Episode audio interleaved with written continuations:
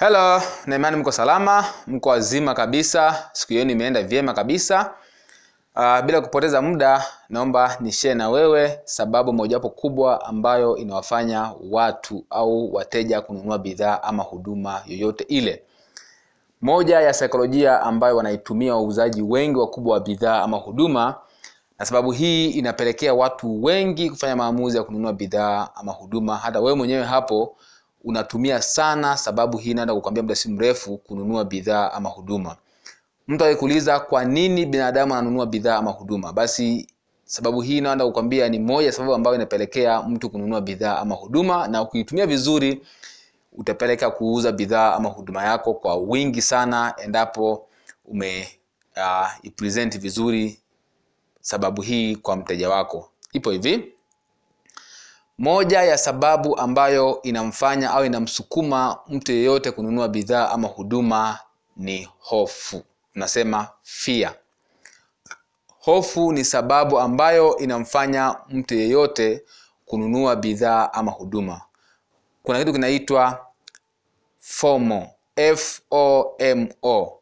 Ni kifupisho cha fear of missing out. Maana yake ni hofu ya kukosa.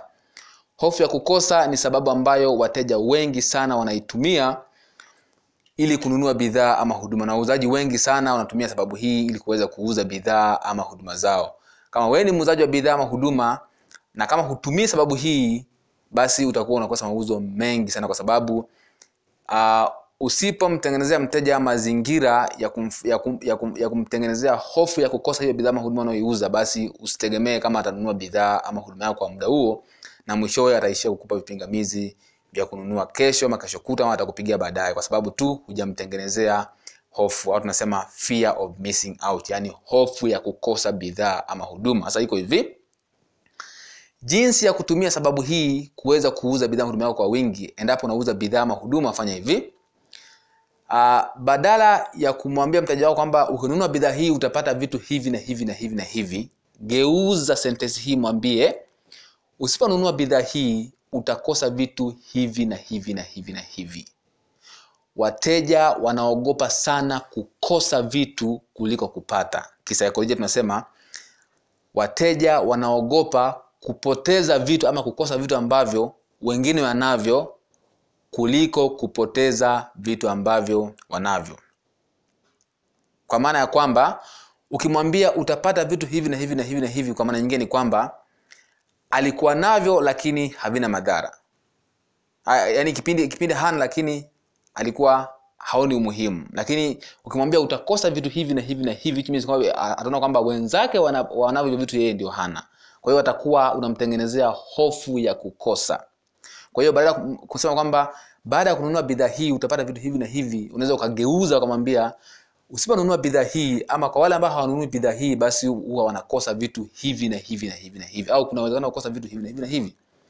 Zile faida za bidhaa ama huduma yako ziwekee mazingira kwamba mteja wako asiponunua bidhaa yako atakosa hizo faida na sio atapata hizo faida. Umenisoma hapo? Ni kwamba zile faida za bidhaa ama huduma yako, tengeneza mazingira kwamba mteja wako asiponunua bidhaa yako atazikosa hizo faida.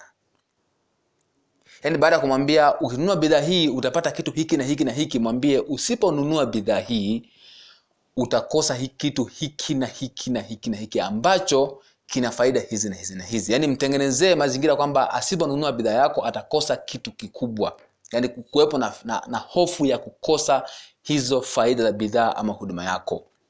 Hivyo ndivyo hofu inavyotumika kuuza bidhaa ama huduma, na sababu mojawapo kubwa ambayo inawapush au inawasuma watu kununua bidhaa ama huduma ni hofu ya kuikosa hiyo bidhaa yako ama kukosa faida za bidhaa yako. Kwa hiyo tumia hofu kuweza kuuza bidhaa ama huduma yako.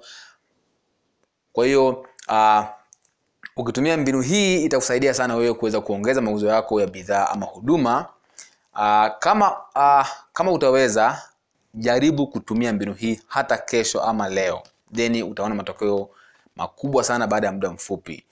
FOMO inafanya kazi sana, haijalishi unauza bidhaa gani. Fear of missing out, hofu ya kukosa, na ndio maana usipoweka deadline kwenye bidhaa yako ama usipoweka ukomo wa ofa yako huwezi kupata wateja kwa sababu ofa yako ama ukomo ofa yako au bidhaa yako inakuwa haina hofu ya kuikosa ina maana mteja atajua bidhaa yako ipo muda wote. You see? Kwa hiyo tumia hofu ya kukosa kwenye kuuza bidhaa ama huduma yako itakusababishia wewe uuze bidhaa kwa wingi sana. Na zipo sababu tano za kumfanya mtu anunue.